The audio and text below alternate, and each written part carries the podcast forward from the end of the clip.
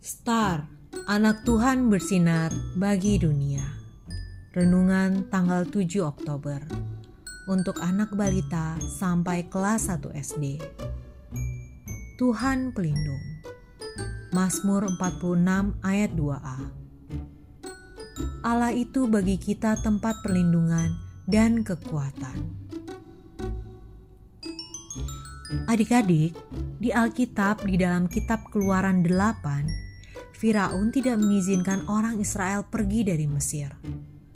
Tentu saja, Firaun ingin bangsa Israel jadi budak terus-menerus. Dengan begitu, Firaun bisa menyuruh orang-orang Israel membuat bangunan yang megah dan indah.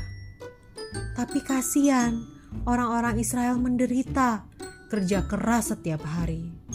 Itu sebabnya orang Israel berdoa kepada Tuhan. Firaun tidak percaya pada Tuhannya orang Israel. Maka Tuhan mendatangkan banyak sekali kodok untuk memperkenalkan dirinya. Firaun kaget sekali karena takut Firaun mengizinkan bangsa Israel keluar dari Mesir. Tapi setelah kodok-kodok musnah, Firaun membatalkan izinnya.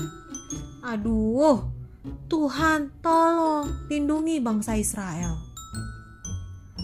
Oh ya, apakah kodok-kodok itu datang ke rumah-rumah orang Israel? Tentu tidak.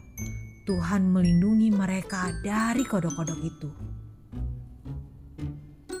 Firman Tuhan menceritakan bagaimana Tuhan melindungi Musa dan tentu melindungi setiap kita juga.